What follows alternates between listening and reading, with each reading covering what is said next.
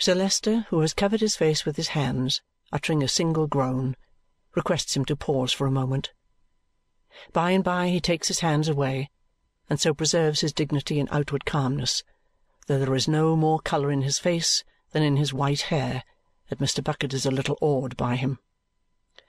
Something frozen and fixed is upon his manner, over and above its usual shell of haughtiness, and Mr. Bucket soon detects an unusual slowness in his speech, with now and then a curious trouble in beginning, which occasions him to utter inarticulate sounds. With such sounds he now breaks silence. Soon, however, controlling himself to say that he does not comprehend why a gentleman so faithful and zealous as the late Mr. Tulkinghorn should have communicated to him nothing of this painful, this distressing, this unlooked for, this overwhelming, this incredible intelligence. "Again, Sir Leicester Dedlock, Baronet," returns Mr. Bucket, "put it to her ladyship to clear that up. Put it to her ladyship, if you think it right, from Inspector Bucket of the Detective. You'll find, or I'm much mistaken, that the deceased Mr. Tulkinghorn had the intention of communicating the whole to you as soon as he considered it ripe, and further that he had given her ladyship so to understand. Why, he might have been going to reveal it the very morning when I examined the body.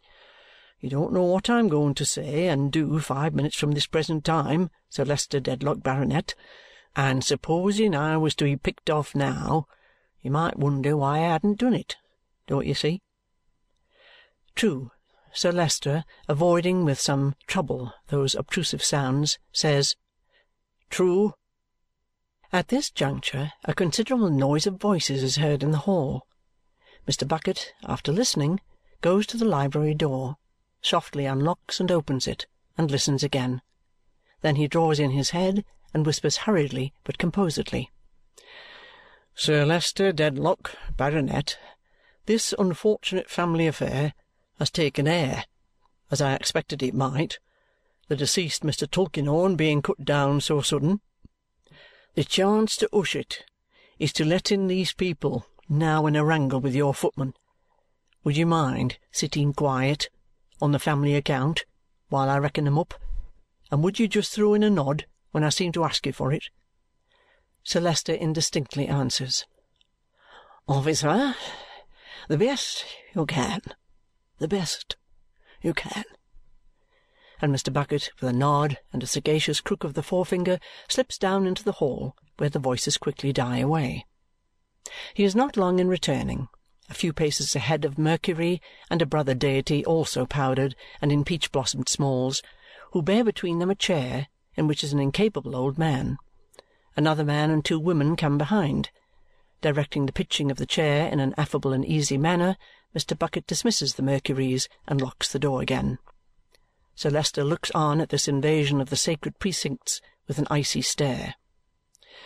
"Now, perhaps you may know me, ladies and gentlemen," says Mr. Bucket in a confidential voice.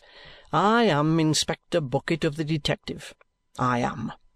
And this," producing the tip of his convenient little staff from his breast pocket, "is my authority. Now, you wanted to see Sir Leicester Dedlock, Baronet. Well! You do see him. And mind you, it ain't every one as is admitted to that honour. Your name, old gentleman, is Smallweed. That's what your name is. I know it well." "Well, and you never heard any harm of it!" cries Mr. Smallweed in a shrill, loud voice. "You don't happen to know why they killed the pig, do you?" retorts Mr. Bucket with a steadfast look, but without loss of temper. "No." "Why, they killed him," says Mr. Bucket, "on account of his having so much cheek. Don't you get into the same position, because it isn't worthy of you. You ain't in the habit of conversing with a deaf person, are you?" "Yes," snarls Mr. Smallweed. "My wife's deaf." "That accounts for your pitching your voice so high. But as she ain't here, just pitch it an octave or two lower, will you, and I'll not only be obliged to you, but it'll do you more credit," says Mr. Bucket, This other gentleman is in the preaching line, I think.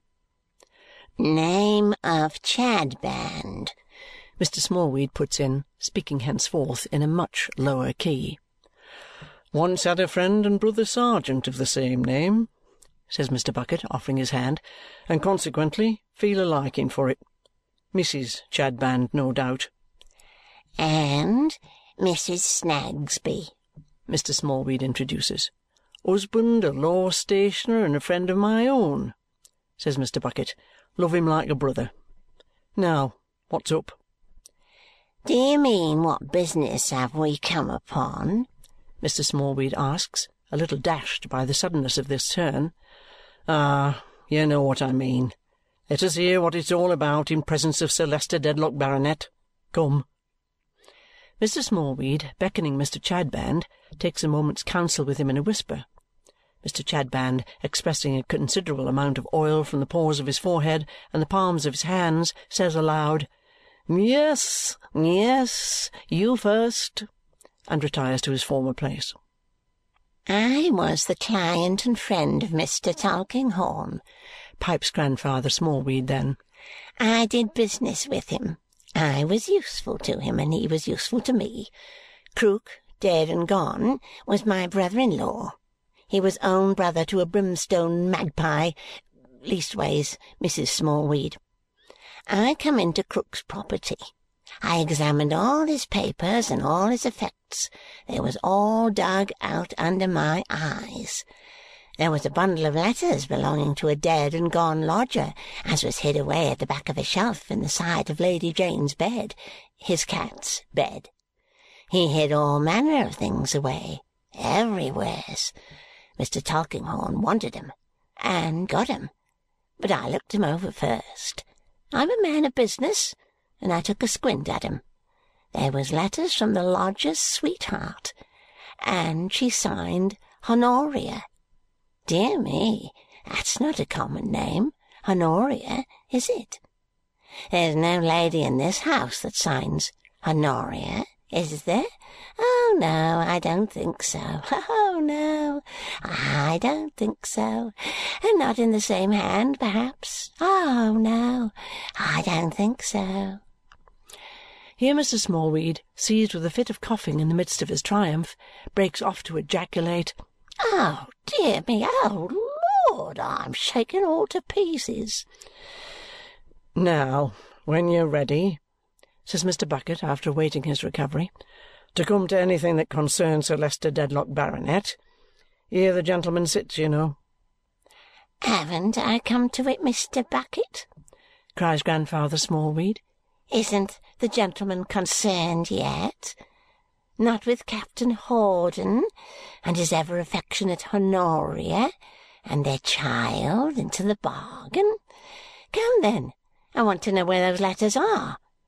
That concerns me. If it don't concern Sir Leicester Dedlock, I won't know where they are. I won't have 'em disappear so quietly. I handed 'em over to my friend and solicitor, Mr. Tulkinghorn, not to anybody else. Why, he paid you for 'em, you know, and handsome too, says Mr. Bucket. I don't care for that. I want to know who's got 'em. And I'll tell you what we want, what we all here want, Mr. Bucket. We want more painstaking and search-making into this murder. We know where the interest and the motive was, and you have not done enough. If George the vagabond dragoon had any hand in it, he was only an accomplice and was set on. You know what I mean as well as any man. Now, I tell you what, says Mr. Bucket, instantaneously altering his manner, coming close to him, and communicating an extraordinary fascination to the forefinger. I am damned if I am a going to have my case spoilt, or interfered with, or anticipated by so much as half a second of time by any human being in creation. You want more painstaking and search-making. You do. Do you see this hand? Do you think that I don't know the right time to stretch it out and put it on the arm that fired that shot? Such is the dread power of the man and so terribly evident it is that he makes no idle boast, that Mr. Smallweed begins to apologize. Mr. Bucket, dismissing his sudden anger, checks him. The advice I give you is, don't you trouble your head about the murder. That's my affair. You keep half an eye on the newspapers, and I shouldn't wonder if you was to read something about it before long, if you look sharp. I know my business, and that's all I've got to say to you on that subject. Now, about those letters. You want to know who's got 'em? I don't mind telling you. I've got 'em. Is that the packet? Mr. Smallweed looks with greedy eyes at the little bundle Mr. Bucket produces from a mysterious part of his coat and identifies it as the same. What have you got to say next? asks Mr. Bucket. Now, don't open your mouth too wide, because you don't look handsome when you do it. I want five hundred pound. No, you don't. You mean fifty, says Mr. Bucket humorously. It appears, however, that Mr. Smallweed means five hundred. That is, I am deputed by Sir Leicester Dedlock, Baronet, to consider, without admitting or promising anything, this bit of business, says Mr. Bucket. Sir Leicester mechanically bows his head. And you ask me to consider a proposal of five hundred pounds. Why, it's an unreasonable proposal. Two fifty would be bad enough, but better than that. Hadn't you better say two fifty? Mr. Smallweed is quite clear that he had better not. Then, says Mr. Bucket, let's hear Mr. Chadband. Lord, many a time I've heard my fellow sergeant of that name, and a moderate man he was in all respects, as ever I come across. Thus invited, Mr. Chadband steps forth, and after a little sleek smiling and a little oil grinding with the palms of his hands, delivers himself as follows. My friends, we are now, Rachael, my wife, and I, in the mansions of the rich and great. Why are we now in the mansions of the rich and great, my friends? Is it because we are invited? Because we are bidden to feast with them, because we are bidden to rejoice with them, because we are bidden to play the lute with them, because we are bidden to dance with them? No. Then why are we here, my friends? Are we in possession of a sinful secret? And do we require corn and wine and oil? Oh, it is much the same thing, money, for the keeping thereof. Probably so, my friends. You're a man of business, you are, returns Mr. Bucket, very attentive, and consequently you're going on to mention what the nature of your secret is. You're right. You couldn't do better. Let us then, my brother, in a spirit of love, says Mr. Chadband with a cunning eye, proceed unto it. Rachael, my wife, Advance. Mrs. Chadband, more than ready, so advances as to jostle her husband into the background and confronts Mr. Bucket with a hard frowning smile. Since you want to know what we know, says she, I'll tell you. I helped to bring up Miss Hawdon, her ladyship's daughter. I was in the service of her ladyship's sister, who was very sensitive to the disgrace her ladyship brought upon her, and gave out even to her ladyship that the child was dead. She was, very nearly so, when she was born, but she's alive, and I know her. With these words, and a laugh, and laying a bitter stress on the word ladyship, Mrs. Chadband folds her arms and looks implacably at Mr. Bucket. I suppose now, returns that officer, you will be expecting a twenty-pound note or a present of about that figure. Mrs. Chadband merely laughs and contemptuously tells him he can offer twenty pence. My friend, the law stationer's good lady over there, says Mr. Bucket, luring Mrs. Snagsby forward with the finger, what may your game be, ma'am? Mrs. Snagsby is at first prevented, by tears and lamentations, from stating the nature of her game but by degrees it confusedly comes to light that she is a woman overwhelmed with injuries and wrongs, whom Mr. Snagsby has habitually deceived, abandoned, and sought to keep in darkness, and whose chief comfort, under her afflictions, has been the sympathy of the late Mr. Tulkinghorn, who showed so much commiseration for her on one occasion of his calling in Cook's Court in the absence of her perjured husband that she has of late habitually carried to him all her woes. Everybody, it appears, the present company excepted, has plotted against Mrs. Snagsby's peace. There is Mr. Guppy, clerk to Kenge and Carboy, who was at first as open as the sun at noon, but who suddenly shut up as close as midnight, under the influence, no doubt, of Mr. Snagsby's suborning and tampering. There is Mr. Weevle, friend of Mr. Guppy, who lived mysteriously up a court, owing to the like coherent causes. There was Krook, deceased. There was Nimrod, deceased. And there was Jo, deceased. And they were all in it. In what, Mrs. Snagsby does not with particularity express, but she knows that Jo was Mr. Snagsby's son, as well as if a trumpet had spoken it. And she followed Mr. Snagsby when he went on his last visit to the boy, and if he was not his son, why did he go? The one occupation of her life has been, for some time back, to follow Mr. Snagsby to and fro, and up and down, and to piece suspicious circumstances together. And every circumstance that has happened has been most suspicious and in this way she has pursued her object of detecting and confounding her false husband night and day. Thus did it come to pass that she brought the Chadbands and Mr. Tulkinghorn together, and conferred with Mr. Tulkinghorn on the change in Mr. Guppy, and help to turn up the circumstances in which the present company are interested, casually, by the wayside, being still and ever on the great high road that is to terminate in Mr. Snagsby's full exposure and a matrimonial separation.